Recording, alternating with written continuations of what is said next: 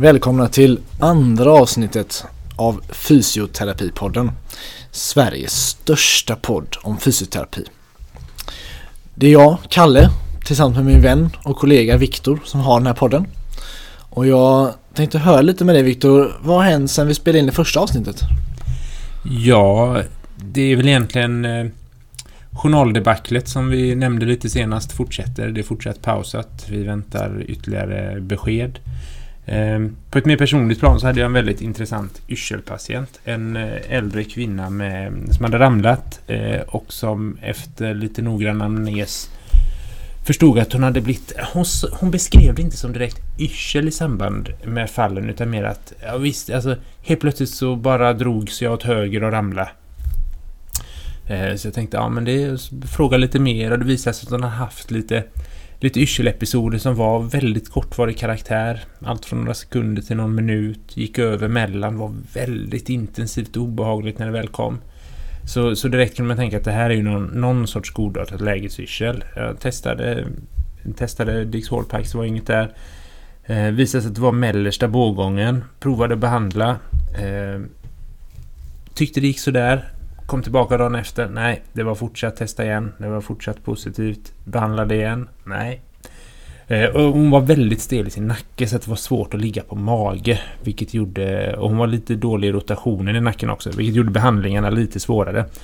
Men sen efter lite funderande så lyckades jag hitta på ett sätt att ändå genomföra en i stort sett komplett eh, logroll-manöver. Gjorde den och med fullt positivt resultat eh, Testade dagen efter, några dagar efter, inga symptom alls.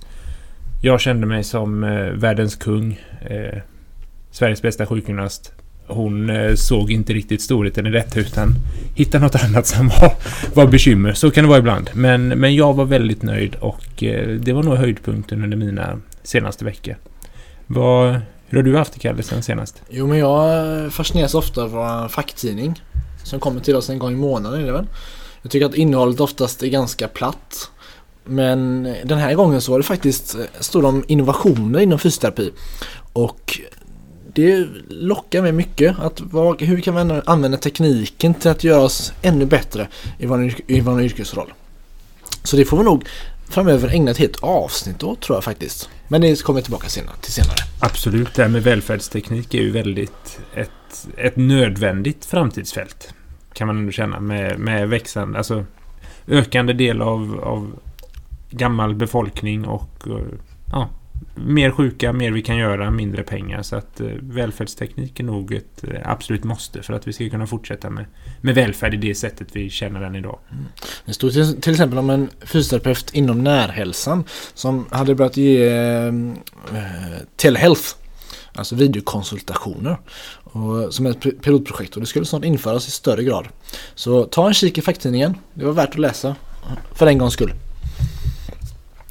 Som sagt, vi ska kasta oss in i var allting startade och prata lite om en utbildning och dissekera den.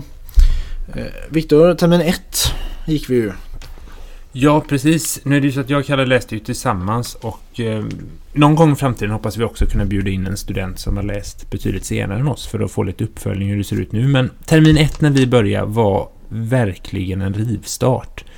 Vi började med anatomi eh, i ett väldigt högt tempo. Jag vet att jag tänkte när vi fick ut alla kompendier eh, att jäklar, ska jag kunna allt det här på sex veckor? Det var det kan ju ingen. Ja, det var mastigt alltså. Det, vi hade en väldigt excentrisk professor det här som föreläste. Ehm, men han var väldigt, väldigt duktig på att lära ut. Ehm, vi läste tillsammans med arbetsterapeuterna, alltså en stor grupp som man skulle lära. Och eh, det var mycket, det är mycket glosinlärning och så lära sig ett nytt språk. Vad heter den muskeln? Ursprung, fäste, innovation, funktion. Det matades vecka ut och vecka in.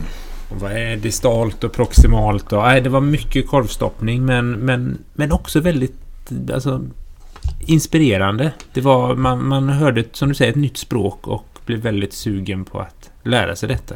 Och kombinerat med det så var det också hela att, att lära känna alla nya klasskamrater. Vi var ju 43, 44 tror jag i vår klass när vi började. Ja, vi kom nog aldrig under 40 men bara det att lära känna alla nya personer och så, så var det det var ganska omtumlande första, första veckor får man säga. Och när du säger att vi var 44 när vi började och lite färre senare var att den här hårda rivstarten tror jag själv är lite gjord eller utformad på det sättet för att faktiskt skilja lite agnarna från vetet. De som verkligen ville bli sjukgymnaster, fysioterapeuter, de fortsatte. De som var lite halvsugna, eh, de, de slutade och hittade något annat som passade deras liv och önskningar bättre. Men visst var det mycket att plugga och eh, tentorna var ganska svåra. Men du och jag Viktor nailade dem, eller hur? Såklart. Vi var ju ambitiösa redan då, höll jag på att säga. Vi såg fram emot tentafesterna väldigt mycket. Ehm, ja, och efter, efter att vi var färdiga med anatomikursen så var det en liten del av funktionell anatomi. Men sen var det ju fysiologi där det var det var också ganska mycket och väldigt mycket nytt språk så, men det var ju inte, var inte riktigt samma pedagogiska professor, utan det var mer... Jag minns väldigt många EKG-kurvor som jag hade svårt att tyda och fortfarande har, tror jag, även om jag jobbat några år på medicinavdelningen. Det var, ja, det var väldigt intressant, men det var mycket och det var jonkanaler och natrium och kalium och och, och, eh, sinuskurva och Q och ja, den tyska läraren han, var, han, han kunde sitt EKG så kan vi säga. Den tyska lä eh, läkare som föreläste. Men det var här som några tröttnade och några som slutade faktiskt för att de, det var för mycket just då och de var inte tillräckligt sugna på att bli sjukgymnaster eller fysioterapeuter. Mm. Jag kommer väldigt, ihåg, väldigt speciellt ihåg ett skede där han beskrev om kalium, hur kalium drar in vätska in i cellen. Vilket eh, används av eh, bodybuildare inför tävlingar för att eh, få ut den, vad kallades det, intracellulära vätskan in i cellen så att man helt enkelt blir eh, svullen och ser extra deffad ut. Nackdelen var ju att om man åt för mycket kalium så kunde man eh, på något sätt få något plötsligt hjärtstopp och dö. Men som han lite kallt konstatera, man lämnar ju i alla fall efter sig en vacker kropp. Vi har alla våra egna preferenser. Ehm, jag tror också att det här som, som du sa var inspirerande med det här var ju att det kändes som att verkligen kastas rakt in i medicinen, i medicinsk kunskap som jag, upp, jag, jag själv upplever väldigt inspirerande och rolig. Eh, jag vet att sjuksköterskorna, i alla fall förr, min svägerska läste till sjuksköterska för ett antal år sedan. Och de började läsa, första halvåret läste de om sjuksköterskans historia. Alltså ärligt talat, godnatt. Alltså sånt sömnpiller va. När man vill bara kasta sig in och lära sig någonting nytt. Man vill bli ett nytt yrke får man läsa om, om vad som hände på Eh, i fältsjukhusen på andra världskriget. Alltså kom igen. Nej, det, var det, här, det här var mycket, mycket bättre. Mycket mer inspirerande. Det finns en tid och plats för allt kan man väl säga. Ja, och sen så började vi efter det med första sjukgymnastikkursen som det hette då faktiskt fortfarande. Då var det mycket, alltså det var lite koppling på anatomin fast i lite mer praktiskt. Alltså det var liksom gå igenom vad är extension, vad är flexion, eh, vad händer om du ska om jag reser mig, vilken rörelse sker i fotleden, i knäleden, i höftleden. Vi fick lära oss koncentrisk, excentrisk, ja, helt enkelt en fortsättning på, på det här språket. Eh, det fortsatte, den kursen fortsatte in i termin två. Mm. Då vet jag att vi också hade två fältstudiedagar, tror jag att de hette. Vi var ute två dagar och helt enkelt var med en, en sjukgymnast eh, ute i kliniska vardagen och fick testa. Eh, jag vet att jag var på... Eh, det var i alla fall en patient som var en reumatisk kvinna. Där jag innan hon, vi träffade henne fick läsa något i hennes journal. Och då fick jag läsa om hennes... Ja, det var om felställningarna på hennes händer tror jag. Och jag vet hur jag var så fascinerad för det stod bara som liksom eh, dipleden svullen eh, proximalt i eh, ulnardeviation och massa sådana ord. Jag vet hur jag läste det och så bara... Jag förstår ju det här. Häftigt. Nej. Hade du visat det här exakt samma text för mig för ett halvår sedan så hade jag inte förstått ett ord. Och nu kan jag framför mig se händer där fingrar pekar åt lite olika håll och jag kan förstå åt vilka håll vilka fingrar pekar. Det var jäkligt... Eh, det var en liten sån aha-upplevelse tidigt för mig. Coolt alltså. Jag fick, kommer även ihåg att vi fick lära oss om använda en goniometer den här kursen tror jag. Och vi får lära oss, en sak som jag kommer ihåg än idag är ju och faktiskt har användning av är sagittalplan, transversalplan och frontalplan, de tre rörelseplanen. Ja, om jag inte minns helt fel så hade vi även under den här kursen eh, en, en till dag där vi fick undersöka en patient ihop med några kursare. Så vi var en tre, fyra stycken studenter. Ganska färska nybakade. Eller kunde inte så jättemycket kanske. Men vi fick faktiskt träffa en riktig patient och det var väldigt spännande såklart, att träffa en riktig patient. Och så fick vi undersöka den här personen och ja, vi var på senioren eh, som låg i Göteborg då, någon, någon form av geriatrisk öppenvårdsmottagning. Och det var svårt och det var nog väldigt stappligt men det var, det var roligt att få en lite så första praktisk inblick i eh, vad faktiskt vi har, det vi har gett oss in på. Mm. Jag, ja, jag kommer också ihåg precis min patient jag hade då. Då var jag på Sahlgrenska och träffade en patient som var på en, ett återbesök efter en eh, radiusfraktur. Han hade blivit avgipsad. Och vi var där och vi mätte hans eh, palmarflektion och dorsalflektion med goniometer och hade koll på våra riktmärken och processus styloideus. Jag hoppas att jag är rätt del av kroppen när jag slänger ur mig en latinsk term på chans. Men det jag minns då som jag, jag förstod inte det då men jag har ofta efteråt kopplat till det att det var också ett väldigt lärande patientbesök på sättet att jag tror att han vi som satt där, vi var väl tre studenter, vi var ju så vansinnigt fascinerade av om han fick till 10 eller 15 grader i den här palmarflektionen och vad var nu igen normalvärdet och vilken var variationen och sådär. Han sket fullständigt i sin palmalflektion. Han var en eh, överlevare från Estonia eh, och ville bara prata om det.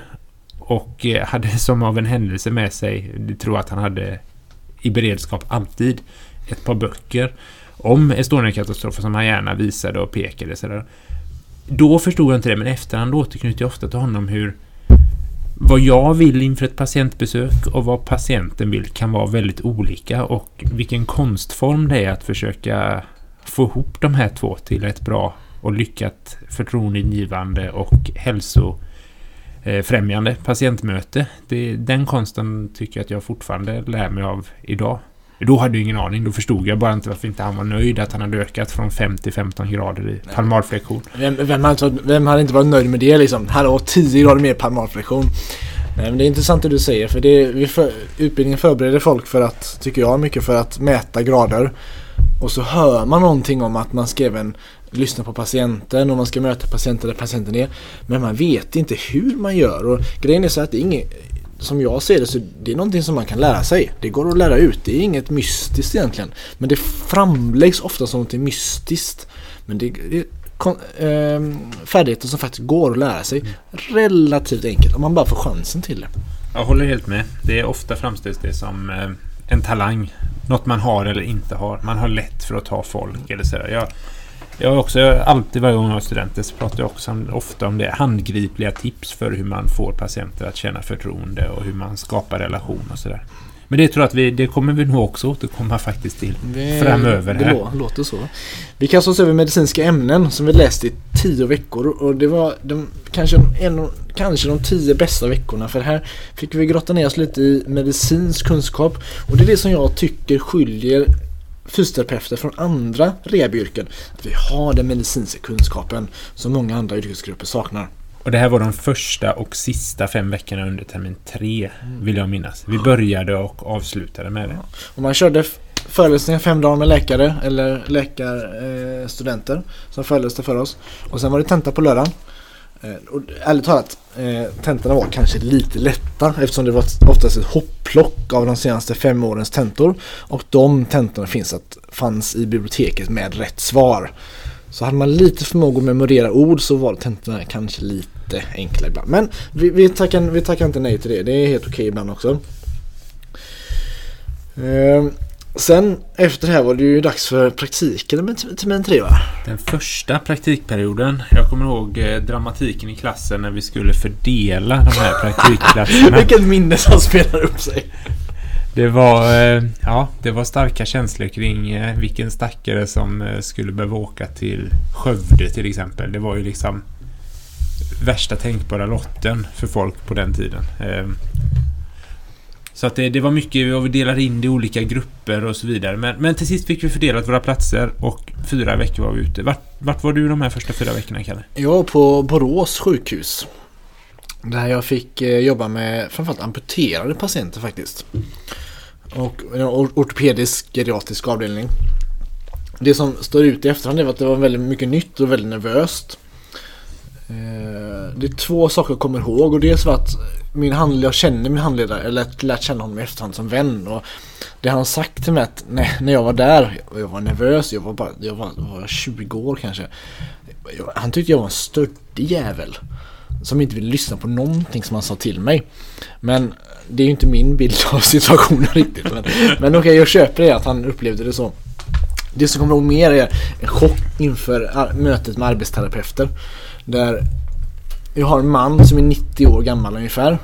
Och ska, han har brutit höften. Och han ska hem till sin lägenhet men kan inte det för han kan inte gå på trappor. Och det betyder att han måste komma till mig för att träna på att gå på trappor. Och det som var coolt med den här mannen var att han kallar sin eh, den han levde med för sambo flickvän. Eh, Nöta sig fast, han kallar sin han är 92 år och, tycker, och kallar sin sambo för flickvän. Det var fantastiskt att höra. Hur som helst, vi tränade på trappor, slet varje dag med det och då lärde han sig ganska fort. Men en dag så kom arbetsterapeuten till honom och så frågade honom Hej Gösta, eller vad det nu var han hette. Är det inte så att du vill vara med och spela bocka med oss idag? Och Gösta, eh, han tittar först på mig med blicken Kalle, måste jag följa med och spela bocka? Och jag var ju en pojkspoling så jag ryckte på axlarna och så tittade Gösta in i lokalen där de skulle spela poker. Och det han ser framför sig är att det sitter fem eller sex personer i rullstol. Eh, ganska svårt sjuka och håller varsin bockaboll i handen och så skakar de bara på huvudet och gick därifrån. Min bild av arbetsterapi, arbetsterapi har förändrats sedan dess men det var mitt första stora intryck av arbetsterapi. Och det imponerar kanske inte sådär jättemycket. Men jag vet att, och som tur var så har det ändrats mycket sedan dess. Men det var det första intrycket jag fick av det. Din termin 3 Viktor då? Praktiken där? Jag var på en ortopedavdelning på Östra sjukhuset. Träffade många patienter som var nyopererade med eh, höftproteser och knäproteser efter eh, på grund av artros, alltså elektiva höftproteser. Eh, jag hade också väldigt bra, jag hade en väldigt, väldigt bra handledare, Monica. Kommer inte ihåg efternamnet, men eh, om du lyssnar på det här Monica så tack för en fantastisk första praktikperiod. Det var väldigt bra för det var, det var mycket av det vi hade gått igenom i skolan. Det var ganska, det var liksom, de låg inne, på den tiden låg de kanske en fem sex dagar så det var väldigt länge med dagens mått mätt. Men man fick träna på att gå upp med en gåbord första dagen och testa på när den är redo att byta till kryckor och vad ska man tänka på då och hur analyserar du den här gången och testa lite trappgång och vilket ben ska man gå först med. Det var, väldigt, det var en väldigt bra praktikperiod. Den bra för att komma in lite ändå i yrkesrollen så smått som, som fysioterapeut. Och vad är min roll i teamet? Det var ändå en del teamarbete med, med både läkare, sköterskor, arbetsterapeuter och undersköterskor. Så det var en, var en väldigt bra eh, praktikperiod. Ehm, jag har också starkt minne från när jag var med på operation första gången. För det var ju, tyckte man, det måste man ju vara höll på att svimma stående under en höftprotesoperationen. Höll, du, höll du på att svimma Viktor? Ja, de lyckades inte luxera höften först. Han hade skurit allt han skulle och så när de började bända i den så gick det inte. Och på tredje försöket gick det och ortopeden stod storökt. Jag har aldrig sett en sån här stor höftkula. Då någonstans började det flimra svart för mina ögon. Svetten rann längs ryggraden. Och jag skulle se en knäprotesoperation direkt efter. Och jag tänkte, om jag svimmar nu då får jag nog inte se den. Eh, eller rätt sagt, om jag går ut nu så får jag nog inte se den. Jag står kvar och hoppas på det bästa. Men mitt i flimrandet så helt plötsligt så var det som liksom... Det bara hände något och så mådde jag bra igen. Fast jag var dyngsur av svett på hela ryggen. Skönt att höra att du ändå fick se knäprotesoperationen. Ja, och den ortopeden var också väldigt... Han, när han hade kapat av ja, tibia och fibula så tog han loss eh, menisken, la en liten rostfri skål och så sa till det var jag en, en annan student som stod där. Ö, studenterna. Vill ni känna på en menisk eller? Uh, ja, lyckades vi stamma fram. Skicka han skålen till oss. Ta på en handske och känn. Så jag fick ta på en handske och så fick jag liksom klämma och känna på en menisk. Och det var faktiskt väldigt... Det var något med det, liksom, förutom det rent bisarra att här skär vi ut en kroppsdel från en människa och så står jag och klämmer på den. Så var det något att den här har jag läst om och liksom sett och hört om funktion och sådär. Men nu får jag faktiskt känna på riktigt hur den hur känns, hur hård är den, hur, hur liksom tjock är den ytterkant mot innerkant och sådär. Så det, det kommer jag faktiskt också väldigt väl ihåg. Eh, Så en väldigt bra praktikperiod tycker jag hade. Ortopedavdelningen var perfekt i alla fall för mig att, att starta på. Vi kastar oss rakt över fyran va? Ja. Ja. Då var det ju neurologi som var temat kan man säga. Först var det fysioterapi med neurologisk inriktning. Och sen var det fem veckors praktik inom neurologi. Jag Var- minns framförallt examen där. Eh, Som exa- praktiken började på måndag och examen på neurologikursen låg på fredagen. Och eftersom ingen får gå ut praktik innan man var godkänd så var alla tvungna att vara godkända. Och jag minns en kursare som han, han glömde av ordet diadokokinesi under examen. Eh, det kan hända alla. Det som var då var att han fick då sa läraren så här, vet du vad? Nu klarar du inte godkänd på examen nu. Men om du eh, vi går ut lite från rummet där vi har examen och så kommer du tillbaka om en halvtimme så kommer jag fråga samma sak igen. Och så får vi se om du klarar det. Eh, vi kan väl säga så här att han klarade examen andra gången utan problem. Så de kraven var väl sådär för att bli godkänd på neurologikursen. Ja, det var väl lite ett stående inslag på de praktiska momenten. Men eh, jag tror vi kommer tillbaka till det lite senare här. Mm. Men vad... Sen efter neurologin så gick vi ut på praktiken. Var, vad gjorde du din praktik? Eller? Jag var på en ryggmärgsskadeavdelningen som fanns på Sahlgrenska fortfarande då. Eh, Och fick eh, behandla personer med ryggmärgsskada. Det var... Jag vet, jag kommer ihåg att jag ville göra någonting lite... jag Lite jobbigt sånt som skulle kännas lite och det var många jobbiga levnadsöden man fick träffa på där. Sjukgymnastjobbet som vi fick göra är väldigt, som jag ser det, väldigt enformigt. Men väldigt viktigt för det är kontraktur, kontrakturprofylax och ståträning. Kanske gåträning ibland. Och det är för det man gör på avdelningen där. Den finns så vitt jag vet inte kvar längre på Sahlgrenska. Men eh, det jag minns mest från praktiken med handledare som satt med den värsta hållningen jag någonsin sett på en stol när jag kom in. Och han var, han var så himla duktig. Han har jobbat med det i tio år. Han kunde allt om ryggmärgsskador. Så sträckte han fram handen till mig när jag kom in och så sa han Tjenare! Du, när du är färdig här så vill jag ha en smörgåstårta som tack. Och jag tror fasen att jag och min studentkompis bakade en smörgåstårta till honom till den sista dagen. Självklart. Bakade ni själva eller köpte ni? Nej, vi gjorde faktiskt den själva. Av att ni ville göra den riktigt bra eller att ni på studielånet inte hade råd att köpa Ja, en det riktig? var faktiskt alternativet med två där tror jag. Hur var din termin 4 praktik Viktor? Jag var på Uddevalla sjukhus. Jag var i... Ja, en Sist- senare, en senare arbetsgivare alltså. Jajamensan. Det var sista... Jag var i sista valgruppen där. Därför fick jag åka ända till Uddevalla. Det var en timme lite drygt med tåg. Eh, det hände väldigt många av de gångerna att jag somnade på tåget och blev väckt av konduktören. Som tur var var Uddevalla ändhållplats. Så att jag, jag hamnade inte vidare i Strömstad eller något sånt. Men då var jag på en strokeavdelning som var en akut strokeavdelning kan man säga. På den tiden hade de en avdelning på Uddevalla som var en geriatrisk rehabavdelning. Så att när patienten hade varit sådär en vecka hos oss, då stod vi inför ett vägskäl. Kan de gå hem direkt? Behöver de komma direkt till korttidsboende? Det var de som man bedömde inte hade någon direkt rehabpotential. Eller hade de rehabpotential? I så fall kom de till den geriatriska rehabavdelningen där de kunde vara ytterligare 3-4 veckor.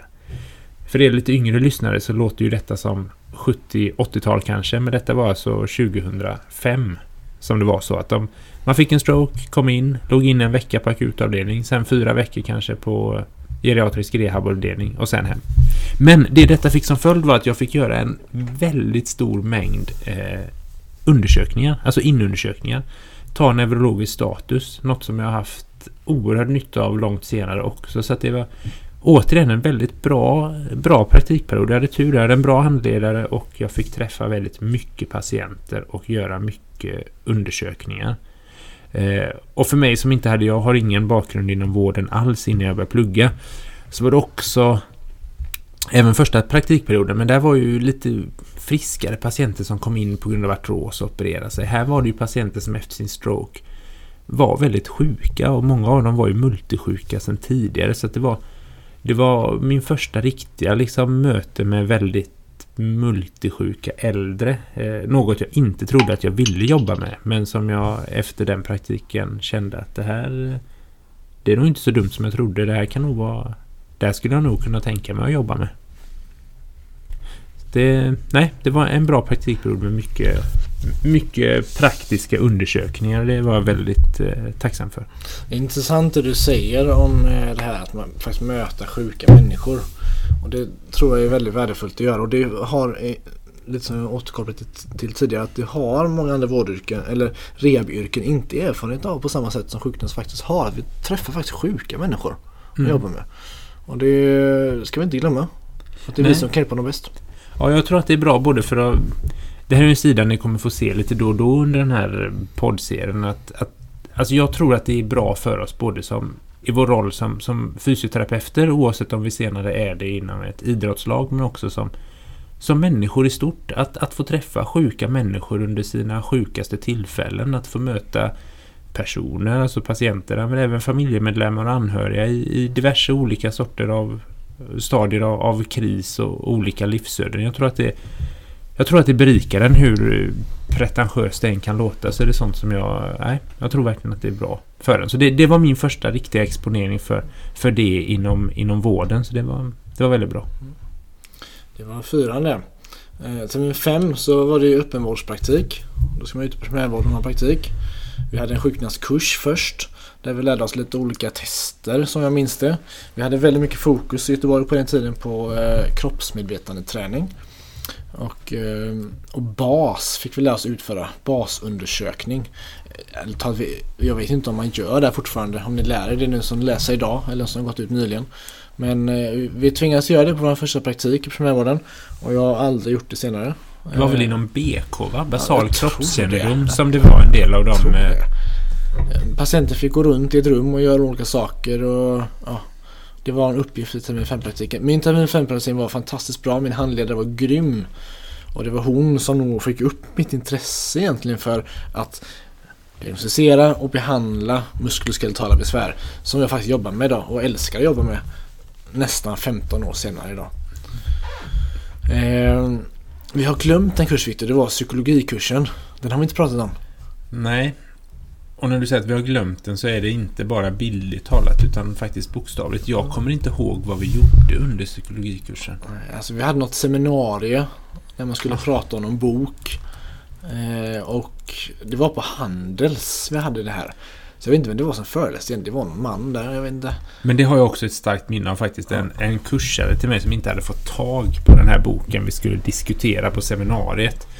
Men som ändå går till seminariet och sitter tyst under seminariet. På, på direkta tilltalade frågor så svarar han i stort sett enstavigt eller med någon kort intetsägande mening. Och lyckas ändå få godkänt där seminarieledaren senare motiverade med att nej men jag, jag tycker inte att det är okej att underkänna någon bara för att de inte vågar tala i grupp. Eh, det, det är ett tema vi, alltså, som vi sa lite med de här praktiska examinationerna. Men jag, jag tror vi ska ta det när vi har summerat hela utbildningen så kommer vi nog in på den punkten. Har du något att säga nu för termin 5-praktik eller var fl- förflöt den som den skulle? Ja, termin fem så var jag på en privat sjukgymnastmottagning i Majorna. Eh, även där jobbade jag faktiskt efter... Eh, eh, har jag jobbat senare, så att... Både termin fyra och fem. Men det, det var intressant, men, men primärvård var aldrig något jag riktigt personligen fastnade för, för att säga. Så det var... Nej, det var bra att ha gjort, men inget jag eh, kommer komma tillbaka till mer, tror jag. Termin 6 så skrev jag och Viktor vårt eh, examensarbete, C-uppsatsen tillsammans. Och det är fortfarande, i alla fall då, den enda C-uppsatsen som inte har fått någon rättning efter examinationen. Och den publicerades dessutom eh, 2007. Eller om 2008 kanske. Men det kan vi återkomma till en annan gång. Eh, vi gjorde hela vår termin 6 nästan i Spanien på ut, som utbytesstudenter. Och det kommer vi ägna minst ett, avs- ett helt avsnitt till bara sjukgymnastik i Spanien. Absolut. På Till- 00-talet. Till er studenter som lyssnar så kan vi säga att haka på något Erasmus-projekt. Kan ni komma till Spanien är det utmärkt, men, men vart ni än åker, passa på att åka iväg. Ta chansen. Om några avsnitt så kommer vi förklara varför vi tycker det. Jag sa till Viktor här off the record eh, att det är de tre månaderna vi var där gjorde det kan vara de, kanske bland de bästa månaderna i hela mitt liv. Ja, det var fantastiskt. Men för att summera hela utbildningen, nu har vi gått igenom lite vad vi läste varje gång. Som en kort så här, vad, vad tyckte du var det bästa med utbildningen, Kalle? Det bästa var nog att jag lärde mig att vara en, Jag fick en introduktion till att vara vårdpersonal. Eh, och jag lärde mig anatomi och fysiologi. Det var det bästa. Och jag tycker som du nämnde innan, just det här också att få den lite den medicinska kunskapen som skiljer oss från många andra rehabiliterande personliga tränare eller vad du nu vill att vi har har även den, den lite mer grundliga medicinska kunskapen. Vad, vad tyckte du, alltså vad tyckte du kunde bli bättre skulle man i, i vanliga fall säga. Vad tyckte du var dåligt skulle jag vilja fråga. Jag kan tycka att det är många kurser som var eh, som jag aldrig använt kunskapen ifrån. Eh, det är en del kurser som som du märker vi har missat något till att prata om och det säger väl en del. Jag kan tycka idag att kraven för att få godkänt på kurserna som vi pratade om det praktiska men även det teoretiska var alldeles för låga. Där det oftast krävde ungefär 60% rätt för att få godkänt på en tenta. Och jag menar har man fel två av fem gånger när man möter patienter det är ingen bra ratio alltså. Nej, det är inte riktigt godkänt. Jag, jag håller med. Det som slog mig också var att det var, det var för låga krav på, på framförallt de praktiska examinationerna men även en del teoretiska. Och det, alltså förutom att det, att det släpper igenom för dåliga resultat drar ju ner standarden på allas vår utbildning så tyckte jag också att det skickar lite fel signaler under tiden att om man redan i termin tre på en praktisk examen förstod att har jag bara hyfsad koll så får jag fel på några frågor och då får jag komma tillbaka en timme senare eller dagen efter och svara bara på det jag hade fel på. Det skickar inte signalen att nästa gång måste jag verkligen vara alltså verkligen vara påläst och kunna allt. Utan det skickar ju signaler om att det löser sig. Och en följd av det blir ju att ett väldigt stort ansvar för att underkänna på grund av för dålig kunskap hamnar på handledare i kliniken. Och det vet man själv, alltså jag själv som handledare idag kan vi känna mig lite tryggare med det, men många av handledarna är ju har jobbat något år, några år eh, och helt plötsligt tar man en student och då förväntas man vara den som ska säga till dem att nej, du är inte bra nog på det här. Det blir ett, det blir ett för stort ansvar på kliniska handledare. Ett ansvar som till större utsträckning borde ligga på lärare på skolan som inte bara träffar äh, eleverna på på examinationen utan ser dem under kursens gång också. Och borde kunna signalera tidigt att nu är du på väg att bli underkänd och ha hårda krav för både för de som blir underkända mm. skull men också för de som klarades skull. Att det, det blir högre värde till, till det. Och handledarna som då kanske bara träffar eh, studenten kanske ett par veckor och ska då besluta om att nej du är inte bra för att fortsätta med det här. Och som du säger i slutändan så kan, tar du ner värdet på själva examen och själva legitimationen som vi alla sitter med. Ja, jo men precis den värdet av legitimationen blir ju aldrig bättre än den sämsta personen som har den på något sätt, tänker jag.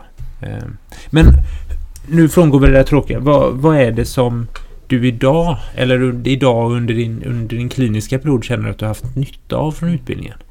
Det är framförallt anatomin och fysiologin och det här att man kan eh, att vara vårdpersonal. Eh, som man fick introduktion av. Jag har gjort en hel del vidareutbildning inom det här och läst på mycket om det. Att, och det hade väl gått att göra med förbättringsförslag. Det, här, det går att lära ut och vara vårdpersonal på utbildningen. Det behöver inte bara vara en introduktion. Det går att göra mer avancerat. Som jag tror har gjort att många känner sig mer eh, förberedda när de kommer ut och ska jobba. Mm. Efter sin examen. Eh, Viktor, är det någonting du skulle vilja göra, göra bättre på utbildningen? Så det, här vill jag, alltså, det här vill jag förbättra liksom med utbildningen. Ja, en sak som jag faktiskt känner verkligen nu men även under min tid, för jag har jobbat i största delen av mitt kliniskt verksamma liv på sjukhus och nu är jag i kommunen. Men framförallt nu, men även under tiden på sjukhus. Det är faktiskt utbildningen kring förflyttningar som var. Vi hade tror jag en dag där vi fick latcha med lite hjälpmedel och testa någon turner och sådär. Men sen helt plötsligt är man färdig och så förväntas man stå inför 20 undersköterskor där vissa har jobbat i 30 år och instruera dem i hur de ska göra förflyttningar. Det känner jag att där, där hade man behövt mer utbildning för att bottna ordentligt i det. Så det, det skulle vilja haft mer av och sen Ja, det, det, är en sån, sån stor grej. Eh, och sen kanske mer, jag vet att när jag var färdig tyckte jag att vi hade läst väldigt mycket om undersökning men lite om behandling. Och lite som vi var inne på, behandling inte bara i bemärkelsen eh, alltså en behandlingssätt som liksom eh, McKenzie eller styrketräning eller liksom KMT utan också behandling i det mötet. Hur får man ett bra möte med en patient? Hur får man en patient att känna förtroende för en? Hur, hur, hur skapar man det? För där, där är jag helt övertygad om att det finns det kan man verkligen lära sig. Det finns ganska mycket konkreta tips man kan ge om det. Och det, det tycker jag att mycket av det har jag lärt mig på vägen och lite av handledare. Men det skulle jag också vilja haft lite mer av i skolan. Vi kan väl avslöja, avslöja lite om oss själva här. Vi är inte alltid de mest sociala personerna du och jag Viktor. Vi är inte de som står i centrum när, vi, när det är mingel och så vidare. Men, men vi har lärt oss att vara grymt bra efterhand med att faktiskt ta emot patienter. Ja, men det är en, det är en färdighet ja. man tränar upp och som, som kan tränas upp. Det är, det är verkligen något vi ska slå ett slag för något jag tänker att vi någon gång under framtiden här i, i något poddavsnitt med någon, kanske någon lärare från någon av utbildningssätena här i landet ska, ska kunna diskutera lite också. Mm. Yep, jag tror det är dags att skicka ut oss i hissen va? Eller nej just det, ta trappan menar jag. Kom ihåg det allihopa. Att eh, prova någon gång, snälla ta hissen fast ni bara ska ner från första våningen. Bara se hur det känns. Och det är okej okay att ha havrepuffar på den gemensamma frukosten också. Jag lovar, testa det. Om ingen ser såklart. Ja, jo. Absolut.